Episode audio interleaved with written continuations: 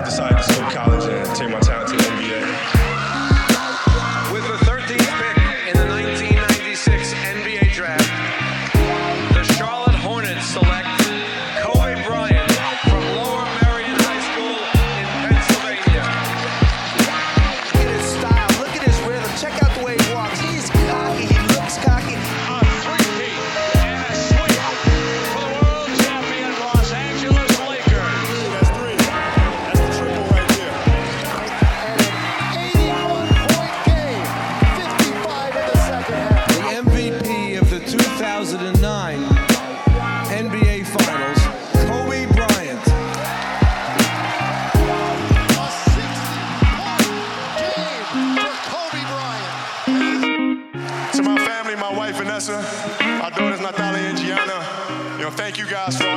Sacrifice. You know, for all the hours I spent in the gym working and training. And Vanessa, you holding down the family the way that you have. I, I, I can't, there's no way that I can thank you enough for that. So, yeah, from the bottom of my heart, thank you. And uh, what can I say? Mamba out.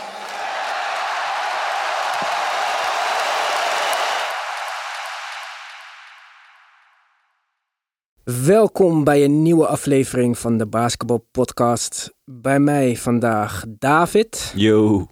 en een hele speciale gast voor de jubileum vijfde keer, Mart Smeets. Moet ik nu ook yo zeggen? Je moet zeggen wat je wil zeggen. Yo! Of WhatsApp of zo. Dat kan What's allemaal. Tijd geleden dat wij hebben gesproken, zowel met Mart als met David. Eh, laten we beginnen met wat ons is opgevallen. Wat hebben we de laatste tijd gezien wat te bespreken waard is? Matig verdedigen. Matig verdedigen bij een specifieke ploeg of een algemene tendens in de hele NBA? Mm, Phoenix verdedigt niet. New York. Ik heb, eh, ik heb naar New York, Chicago gekeken. Ja, Kan je nog, dan kan je nog beter een jaar lang op een onbewoond eiland gaan zitten. Dat is echt niet te geloven. Ja, de Dat- tijd eh, was wel het enige wat mee zat bij die wedstrijd. Ja, maar het is, eh, ik, ik snap niet dat twee professionele ploegen zo slecht spelen. Wat, wat hebben die general managers gedaan? Ja, klopt. Ja, toch? Nou, de general manager van New York is natuurlijk ontslagen. Daar komt eh, Leon Rose voor in de plaats, ook al is die nog steeds niet aangekondigd. En bij Chicago zijn de geruchten dat het uh, Gar Pax front office ook... eh, Hoe lang zitten zij daar al? ja, lang, Lang. heel lang. En ja, kijk, het zijn allemaal Chicago mensen ook. Dus het wegsturen maakt dat misschien dan altijd ietsje moeilijker. Maar ook waar wij het al buiten de uitzending over hadden. Sommige teams zijn op een bepaalde manier samengesteld dat het bijna niet kan werken. En als je kijkt naar wat Chicago doet met maar continu point guards draften en signen. En er is er nu nog steeds geen eentje die de bal kan pasen. Want die Kobe White is leuk. Leuke Ah. speler. Ze is een Ja. leuke speler. Maar een point guard met twee assists per wedstrijd van 6'4. Ja, maar hij is geen point guard. Hij is een twee, want hij rent alleen maar over het veld. En als je hem laat rennen, maakt hij 22 punten per wedstrijd. Klaar. Ja, het is een soort Colin Sexton van de Cavaliers. Die kan je ook wel Ja, met maar dat, is, de, ja, Ja. maar dat zijn nooit spelers die bepalend zijn voor een einduitslag in een wedstrijd. En op die positie heb je ook 25 miljoen betaald voor Zach Levine. Ja, Ja, Dus- dat is je sterspeler. Ja, en dan, dat is mijn punt dus. Dus wat, wat, waarom draft je dan Kobe White?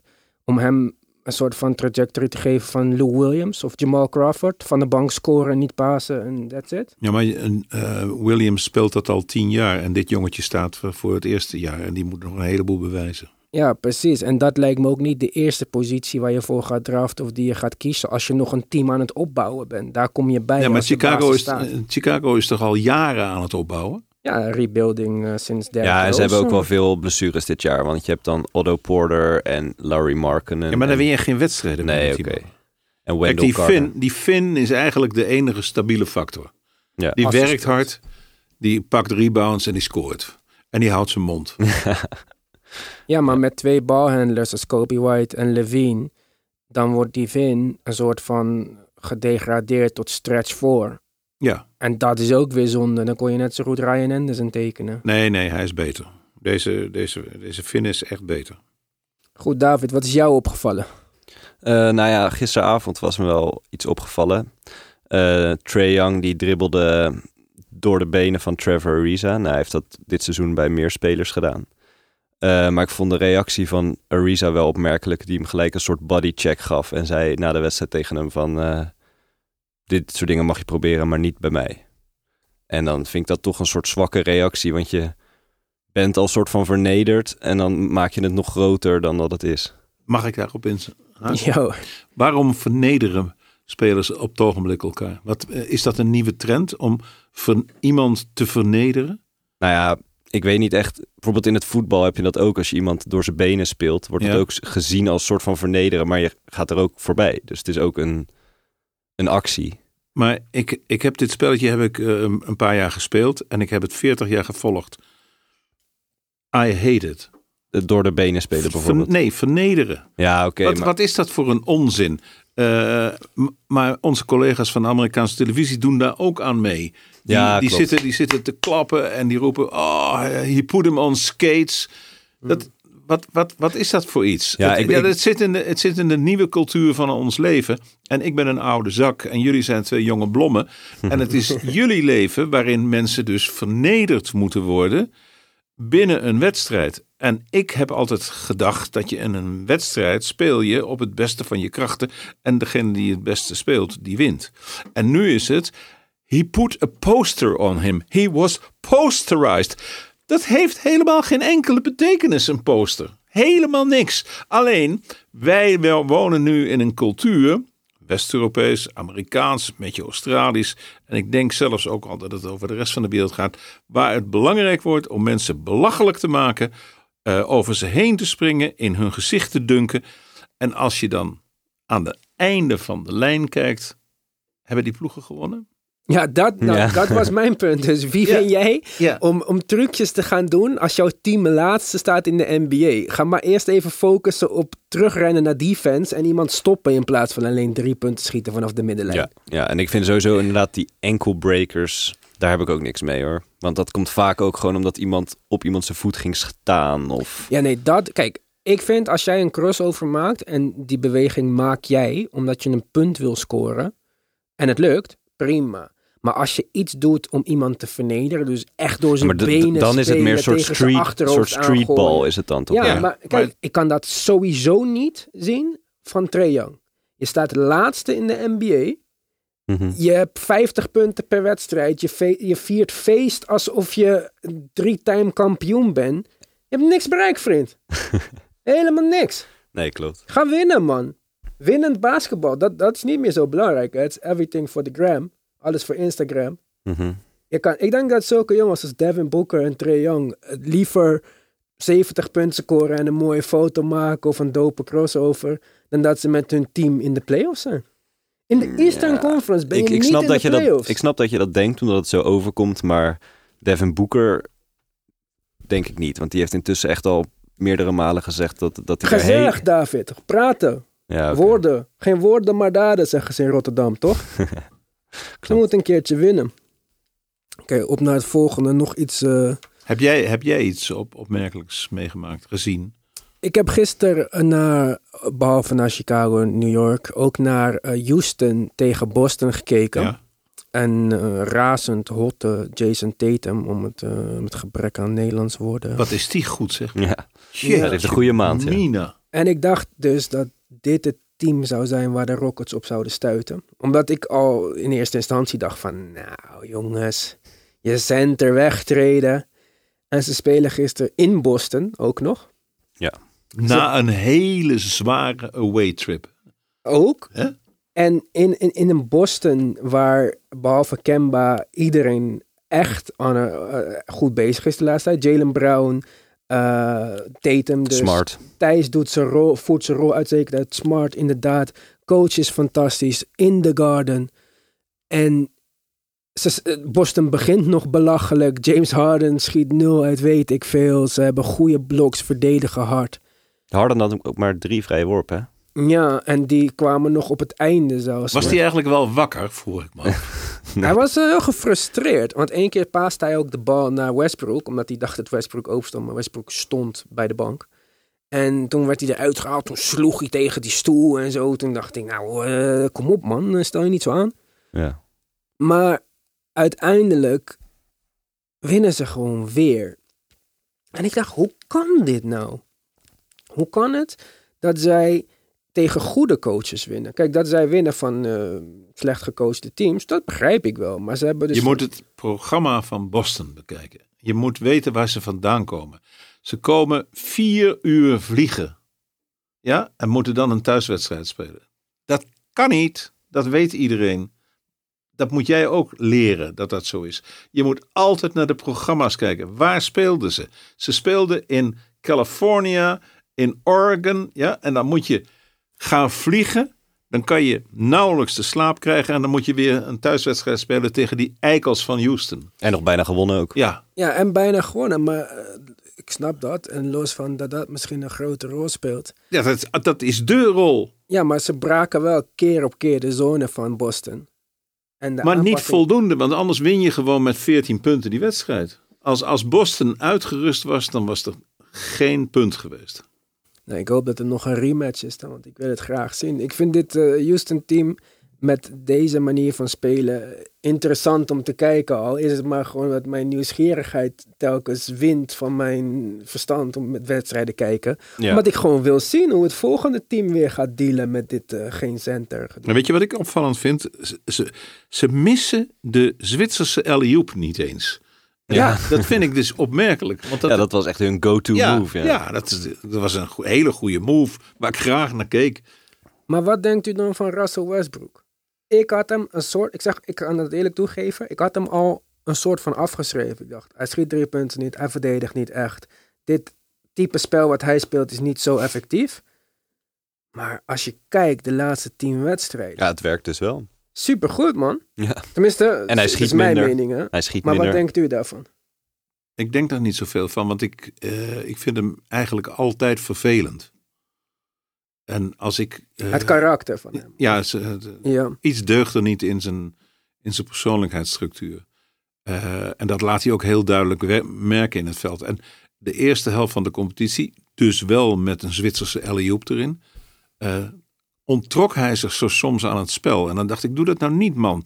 Je, je, je kan zo vreselijk goed zijn. Er is bijna niemand, ik denk dat, dat LeBron en hij de snelste zijn Ja. van lijn naar lijn. Ja, qua Als, fysiek. ja, eh, als hij de bal heeft en hij geeft echt gas, dan kan helemaal niemand hem tegenhouden. Maar zo soms valt hij uit wedstrijden weg dat hij dat helemaal niet doet. En dan denk ik, oh, er zit hem wat, wat dwars. En dat is niet alleen maar een windje of zo, of een kuchje. Nee, dat, dan, dan, dan in zijn hoofd gaat er iets mis. ja, lijkt hij het heeft haast. vaak niet de controle ook inderdaad over zichzelf. En Maar Ja. bedoelt u dan dat, dat hij zeg maar aan de zijkant stond bij de driepuntlijn en niet deelnam aan de aanval? Of dat hij gewoon even met zijn hoofd uit de wedstrijd was? Ja, maar hij is vaak met zijn hoofd uit de wedstrijd. Ja, ik vind dat dus nu wel meevallen, nu dat hij een soort van de center is in de offense. mhm. Ja, ik vind hem wel actief. ja, ik ben ook wel benieuwd of dit in de playoffs gaat werken. Ik denk Dat het natuurlijk niet. niet. Maar de eerste ronde gaan Wie is dan je langste speler bij Houston? Covington of zo. Ja. Ja, nou. Van, oh, in de basis. Maar kijk, weet je, dit is het, dit is het ook hè. Jouw team, NBA-teams trainen niet zoveel. Die hebben voor het seizoen gewoon getraind op hun ding. Mhm. Die hebben gescout al een jaar. En Houston ver- verzint zomaar binnen een week een nieuwe aanval. Dus elk team wat nu tegen hun speelt is verrast. Mhm. Maar dat is iets anders dan in een 7-game serie wedstrijd Ja, plannen maar ze moeten hun. waarschijnlijk tegen de Utah Jazz. Daar hebben ze al drie keer tegen gespeeld en drie keer gewonnen. Ja, Jazz gaan we het zo over hebben. Hebben we een luisteraarsvraag over. Maar ja, de Jazz was voor mij de opmerkelijkste wedstrijd. Want na het initiële succes van Houston dacht ik... oké, maar nu gaan ze tegen Rudy Gobert Ja. spelen. Dit is toch een all-star center? En een, een Shaq zou dan 40-30 posten of zo. Ja. Maar ik dacht, Gobert gaat gewoon 20 rebounds pakken deze wedstrijd. Ja, dat moet kunnen. Ja, Had er 6 ja had er zes. ja. tegen Houston Rockets zonder center. Dat kan gewoon niet. Dat kan echt niet. Statistiek zegt niet alles. Ik zou nooit de statistieken gebruiken om mijn punten. Maar dat dit kan. was wel... Maar dit gaat te ver. Maar dat brengt ons bij de luisteraarsvraag. En die is. You've got mail. Er is een bericht binnengekomen. Er is een vraag van een luisteraar. Jesse van Milo, of Jesse, maar we doen Jesse, want de vraag gaat over de jazz. Wat vinden jullie van de recente vorm van de jazz en hoe ver ze kunnen gaan komen dit seizoen? David, wil jij beginnen? Ja, ik denk dus eh, dat ze vijfde worden en in de eerste ronde eruit gaan. Dat dat hun I agree. is. Ben ik, ik ben het helemaal met David eens. Ik ook. Maar ik snap niet zo goed eh, wat er gebeurd is bij de Jazz vorige week. Ja. Berichten kwamen naar buiten dat Mike Conley van de bank zou gaan komen. Ja. En op de wedstrijddag bleek het toch dat Joe Ingles naar de bank ging. Luister, waarom haal je Conley? En Nee. hoeveel geef je uit voor Conley? Ja, heel veel. Juist. En waar moet Conley dan staan? In het veld. Ja. Een, een beetje durfcoach die zegt: Conley, je speelt dit jaar niet goed. Mhm. En ga naar de bank, man. Ja, je, je, je, je gemiddelden zijn naar beneden gegaan. Je puntenaantallen zijn naar beneden gegaan. Je speelt gewoon niet goed. Ga eerst ontstellend hard trainen. En dan kan je jezelf in de basis vijf spelen. Maar wat doet deze coach? Die geeft hem wat jij zegt. Geeft hem weer een kans. Ja. En Conley heeft, ja, hij loopt met zijn, met zijn, met zijn pik over de grond. Ja, het gaat heel slecht, man, met Conley. Maar misschien is het niet de coach, hè. Misschien is het de general manager of Nee, de de eigenaar. eigenaar. zegt, eh, de, eigen, van, de eh, eigenaar is trouwens een vrouw van de Utah Jazz. Weet je dat? Nee, wist ik niet. Ja, is de, dus de, de weduwe van de man die Utah opgericht heeft. Dus die heb ik Ja. een keer ontmoet, meneer Miller. Eh, en dat, dat- dat is gewoon een garage meneer. Die heel veel garages had en heel veel dure merken auto's verkocht. En zij heeft dat overgenomen sinds hij overleden is. En zij is snoeihard. ja, en eigenwijs dan misschien.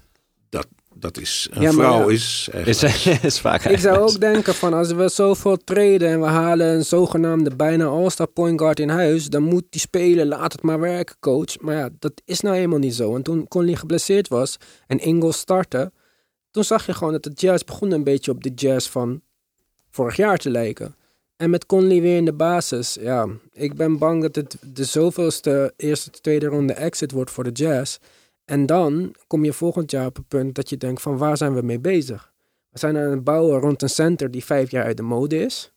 We hebben een shooting guard die te klein is. Ja, hij is wel klein, maar hij wordt wel steeds beter. Maar... Hij speelt groot hoor.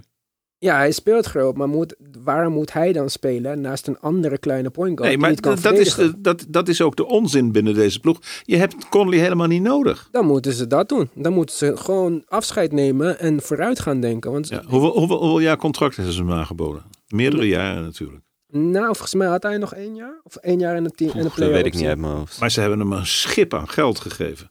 Nou ja, dat, haalt hij Memphis er nooit, heeft een- dat, dat, dat halen ze er nooit uit. Nee, nee, nee. Kijk, Memphis heeft hem dat contract gegeven. En bij aanvang van dat contract verdiende hij dat jaar eh, meer dan Kobe Bryant. Ja, hij was Zo de- belachelijk hoog was het contract. Contract Ja. is trouwens tot en met het seizoen 2020, 2021. Dus nog voor dus- volgend seizoen. Ja. En dan verdient meneer Conley, die nooit All-Star is geweest. En wij debatteren of hij überhaupt moet starten. 34,5 miljoen. Bullshit. dat mag ik niet zeggen.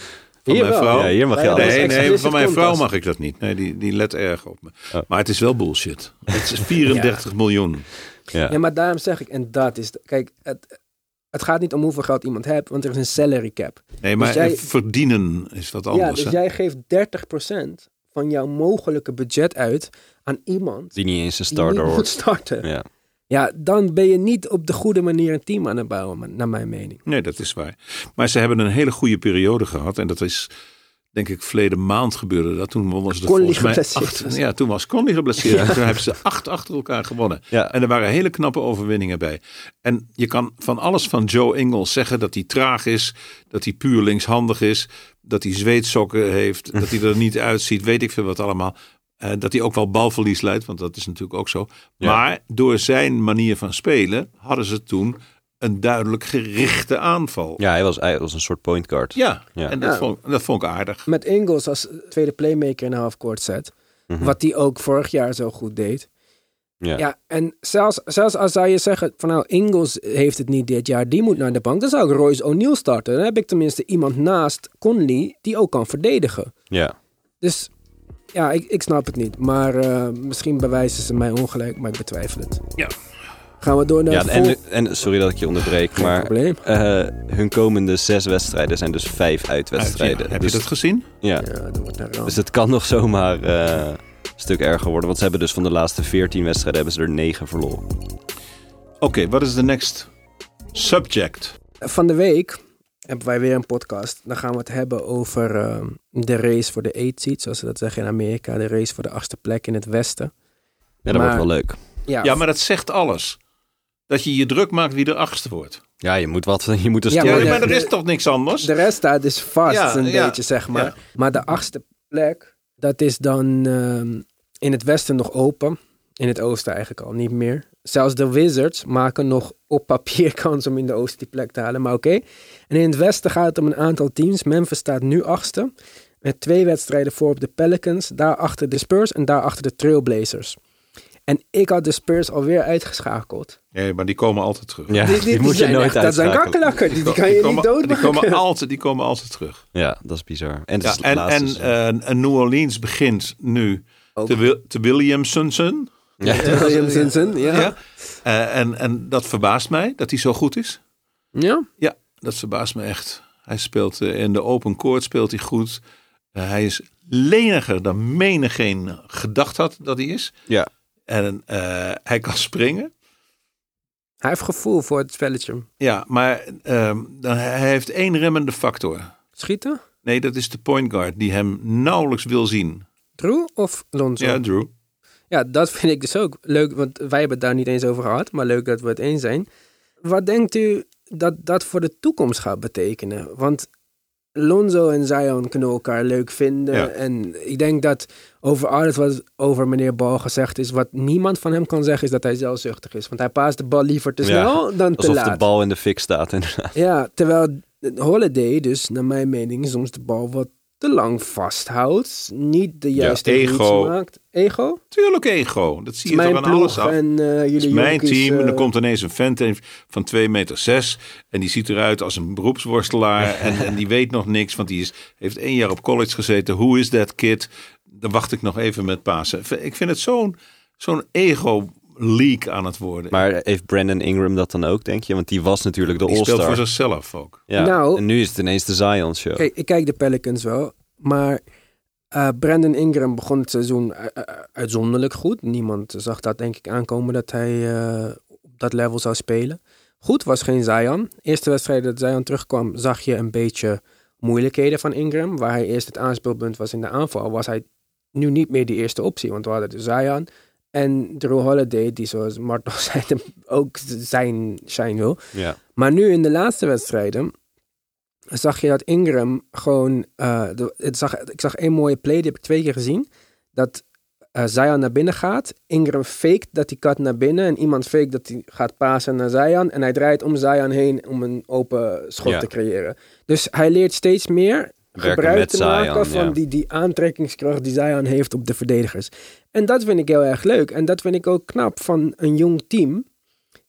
Met een hele oude ervaren coach die ik eigenlijk ook dacht dat hij een Ja. beetje voorbij was. Dat ze toch zo eh, in het moment die aanpassingen maken. Want het is roeien met de riemen die je hebt eventjes. Met de spelers, met de groep. Met een Zion die je niet wist dat hij geblesseerd was. Die zomaar terugkomt, die je moet inpassen. Met een ander, met ego's. En het begint gewoon te lopen daar. Dus Ja. maken zij redelijke kans om achtste te worden. ja, en dan krijg je dus eh, Zion tegen LeBron in de eerste ronde. Dat zou Nou, het was natuurlijk 1-0 voor LeBron. En Anthony Davis tegen zijn oude team. En Brandon Ingram en Lonzo Ball tegen En Josh oude- Hart, niet te vergeten. Ja.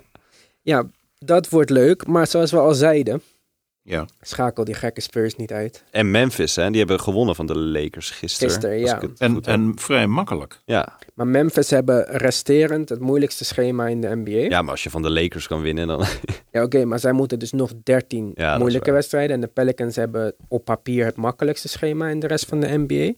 En bij Memphis, behalve dat ze gisteravond hebben gewonnen, is Jaren Jackson en Brandon Clark zijn de komende weken uitgeschakeld.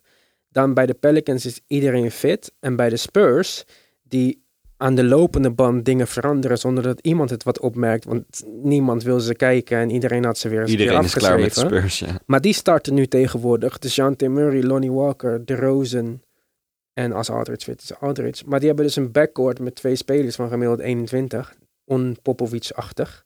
Ja. En het, eh, het begint te werken. DeRozan en Aldridge zijn van de een op de andere dag drie punten gaan nemen. ja.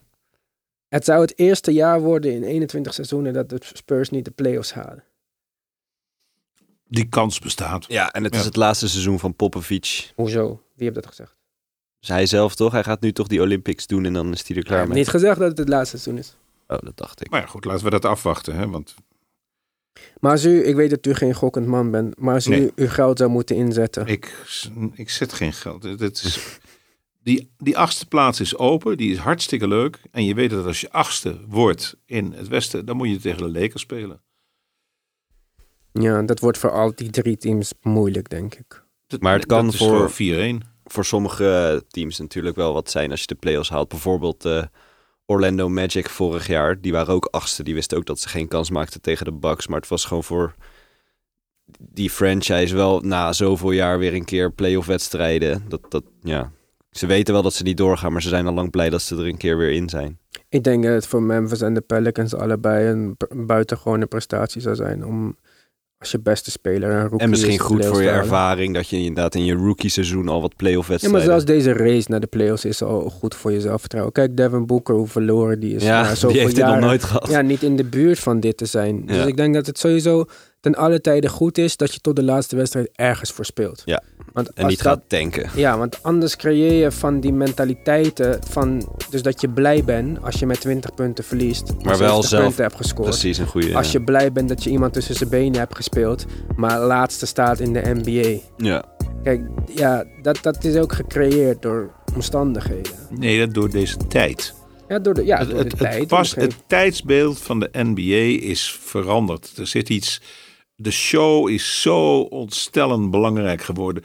De schoenen die ze aan hebben, de kleren die ze aan hebben als ze het stadion binnenkomen. Daar wordt overal op gelet. Daar zijn speciale assistenten voor die dat moeten doen. Het spelletje op zich hoort het belangrijkste te zijn. Maar dat verdwijnt in de hele show.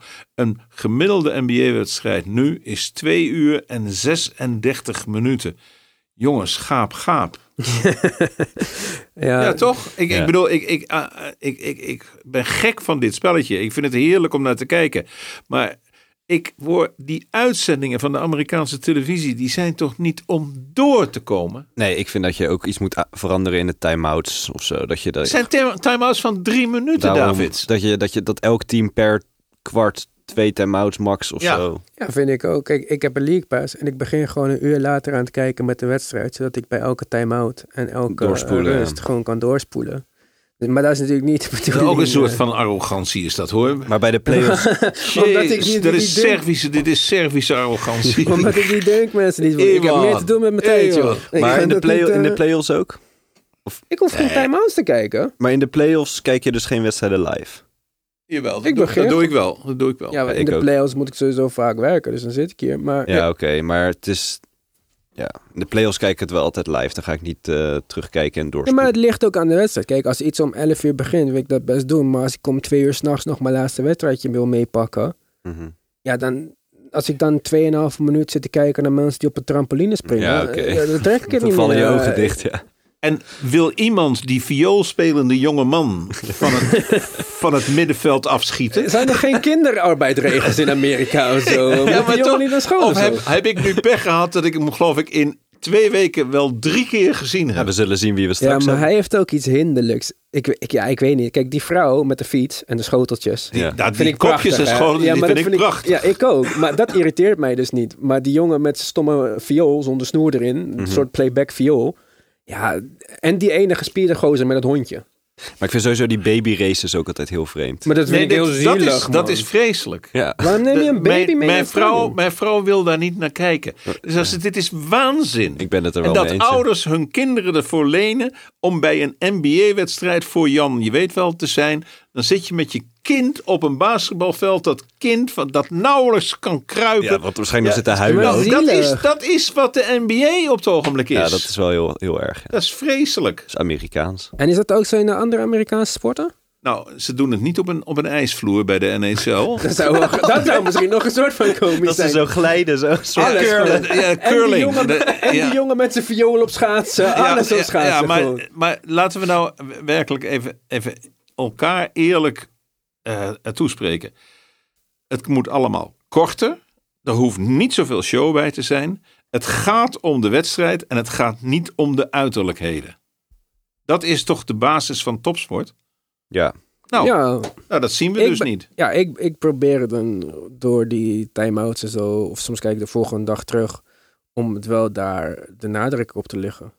Ik, ik ga een wedstrijd kijken omdat het mij een, een, een leuke, leuke wedstrijd lijkt. Of een leuk concept tussen grote en kleine mensen of zo. Maar ik kijk geen wedstrijd omdat ik denk van nou, er komt James Harden met uh, gaat. Oh nee, was Westbrook met gaten in zijn shirt of zo. Dit interesseert mij niet. Nee, nee, nee. nee ik Ik ga ook zeker niet Instagram voor. voor nee. die dingen niet. nee.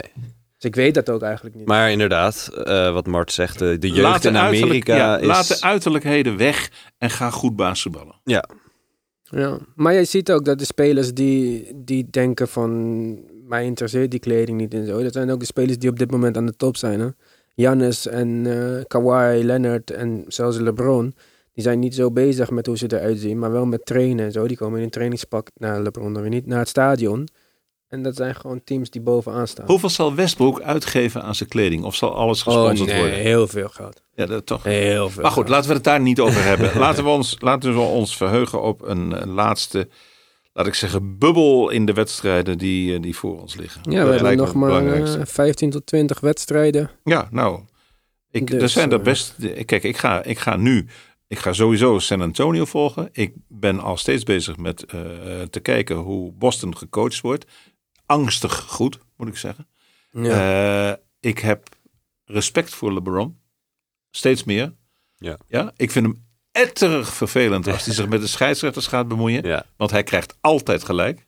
Ja? Ja. Maar, maar, hij als basketballer, jongens, chapeau. ja, Chapeau. Echt waar. Ik eh, snap er niks van.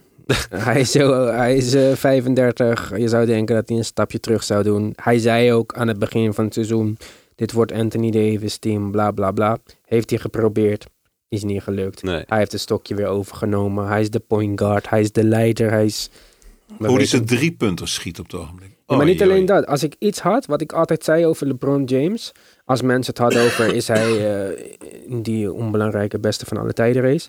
LeBron heeft geen postgame. Kobe had postgame. Michael. Mhm, Dat heeft hij nu wel. ja. Die jongen heeft gewoon, zonder dat we- iemand het heeft opgemerkt, is hij dat ook nog even Ja. gaan doen. Ja, besef dat hij even oud is als Carmelo Anthony. Die was zelfs even weg. Wie? Die zit in het Willem Dreeshuis, Carmelo Ant- Anthony. Daar praat niemand meer over.